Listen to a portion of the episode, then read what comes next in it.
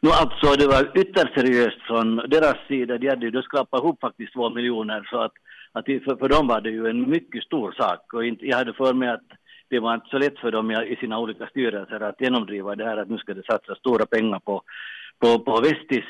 Och från Stefans och min sida var det här ju ytterst seriöst. Vi hade uh, gått igenom allt det här och jag hade insett att jag måste välja och antingen gör jag Vestis på heltid och lämnar författarskap eller tvärtom och jag hade helt gått in för att jag är beredd att göra det här.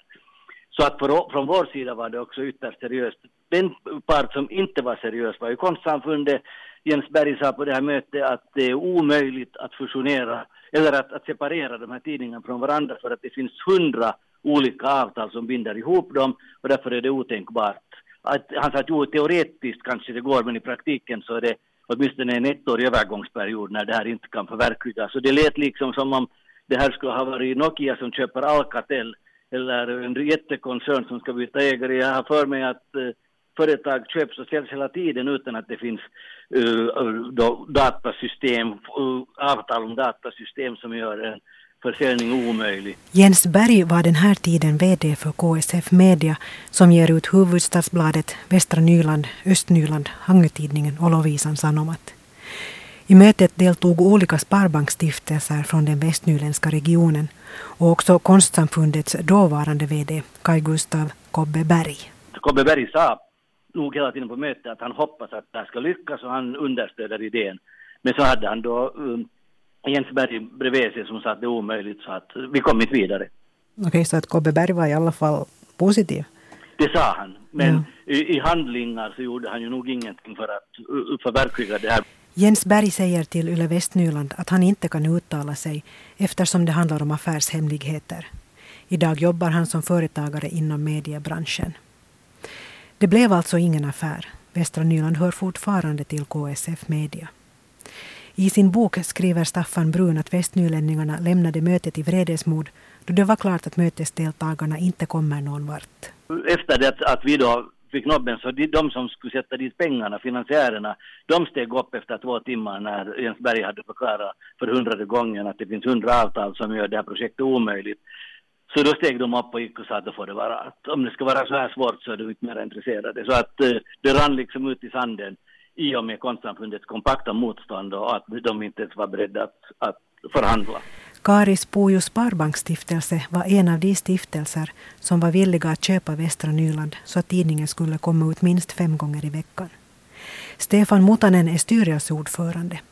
Så här beskriver han stämningen på mötet. Nu var det ett, ett helt bra start på det och, och det diskuterades. Och, och det var nog sån där sen att det kom olika argument och det som jag nog också snappade upp under diskussionen var ju det här att, att det är ju inte inte något billigt att producera en tidning. Att det, och, och just sådana saker som distributionen till exempel så är tydligen kräver mycket resurser och så här. Så, så nu, nu försöker man ju, alltså nu var det en helt vanlig, vanlig möte där man, argumenten var för och emot. Tyckte du då på mötet att ni nådde fram till Jens Berg och, och Kobbeberg? Nu, nu, nu, tycker jag att de helt seriöst diskuterar frågan och, och, och det där. Jag hade förberett sig väl och på det sättet också, inte kan jag säga något annat. Nej, det, det tycker jag nog. När man då läser Bruns bok så, och när jag pratade med honom idag så sa han att, att Kobbeberg var inledningsvis positiv men att det egentligen föll på att Jens Berg liksom inte tyckte att det var möjligt, bara bland annat på grund av de här avtalen som skulle vara svåra att, att omförhandla. Upplever du också att det var liksom föll på Jens Berg? Ja, Jens Berg hade ju den uppgiften egentligen att komma med, med de här fakta och uppgifterna och ekonomi och allt det där. Så, så klart att de argumenten eh, vägde tungt men, men inte vet jag om det föll på det ena eller det andra på det sättet, det, det är svårt att säga i efterskott. Men, men det är klart att det, det, var ju liksom på ett sätt lite sådär att vi hade laddat upp för det och, och hade förväntningar. Men, men det där, inte, inte skulle jag säga att att vem som avgjorde hit eller dit, det, det kan jag inte bedöma. Nej. I, I boken så står det att efter två timmar så gick västnylänningarna sin väg i vredesmod och förklarade att de nog kan hitta på andra ändamål för sina pengar. Eh, hur uppfattar du den meningen i boken? No, det är nog väl författarens eh, tolkning det där. Det är klart, så är det ju också att, att det finns ju hela tiden konkurrens om de här pengarna. Nu, nu, nu tror jag att alla hittar på goda ändamål för, för de här pengarna. Att det, det tvivlar jag inte på. Men, Men det är klart att, att, att det fanns en förväntning och, och vi, hade, vi hade ju liksom skapat en lite sån där anda att vi ska rädda västra Nyland. Ja.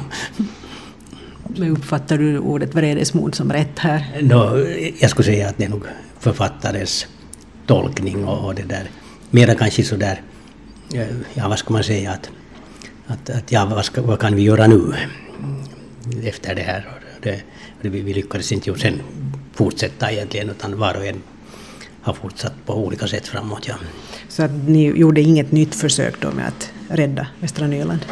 Nej, vi avstämde med varandra och kom till det att, att vi, vi, vi, vi ja, vi, vi, kan inte liksom bidra till det här nu i det här skedet åtminstone inte. Så, så, så, så avslutades det på det sättet och så, så satsade alla de här stiftelserna på olika saker. Då för, för det kom ju sen Finland 100 år där 2017 och det var, det var ju en, en, en del mera satsningar det året faktiskt.